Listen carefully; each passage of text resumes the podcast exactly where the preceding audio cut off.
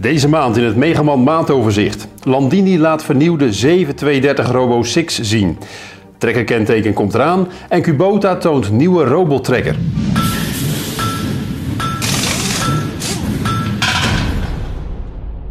Landini onthulde op de Italiaanse Fiera Agricola Verona de 7230 Robo 6 trekker. Opvallend is het nieuwe design van deze trekker. Hij is voorzien van een 6-cilinder Stage 5 motor met een inhoud van 6,7 liter en een vermogen van 168,8 kW. Dat is 230 pk. De trekker is er in de Active en de Dynamic uitvoering. De Active versie heeft een CCLS hydrauliek systeem met een opbrengst van 123 liter per minuut en mechanisch aangestuurde ventielen. De Dynamic uitvoering heeft een CCLS-pomp met een opbrengst van 123 liter per minuut en maximaal 8 elektrohydraulisch aangestuurde ventielen. De Tweede Kamer stemt in met het trekkerkenteken. Gaat ook de Eerste Kamer akkoord, dan is er vanaf 2025 een registratie- en kentekenplicht voor landbouw- en bosbouwtrekkers. Tegelijkertijd moeten landbouw- en bosbouwtrekkers die sneller dan 40 km per uur rijden, periodiek gekeurd worden. De registratie- en kentekenplicht is niet van toepassing op landbouwvoertuigen die het erf niet verlaten.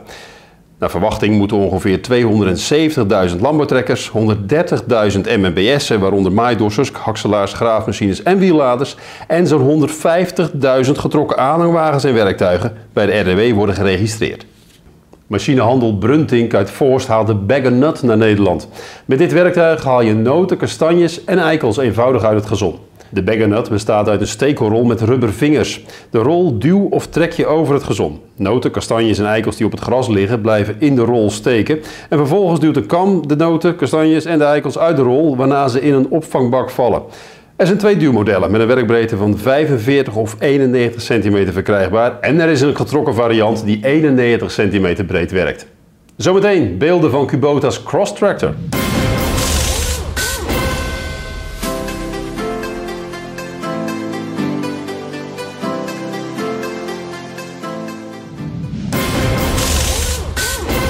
Het Russische Rostolmars gaat een nieuwe trekkerfabriek bouwen aan de rand van Rostov-aan-Don. De fabrikant hoopt de fabriek in 2023 klaar te hebben. De kosten worden geraamd op 2,9 tot 4,4 miljoen euro. In de fabriek wil Rostolmars ook versatile Nemesis trekkers bouwen en de Rostolmars RSM 1000 maaidosser. Echo, het moederbedrijf van onder meer Massey Ferguson, Valtra en Fendt, investeert 40 miljoen euro in de Massey Ferguson fabriek in het Franse Beauvais. Door aankoop van 15,7 hectare grond bezit Akko nu 54 hectare in het plaatsje. Het bedrijf wil er 300 nieuwe arbeidsplaatsen creëren en het aantal gebouwde trekkers uitbreiden naar 18.000 per jaar.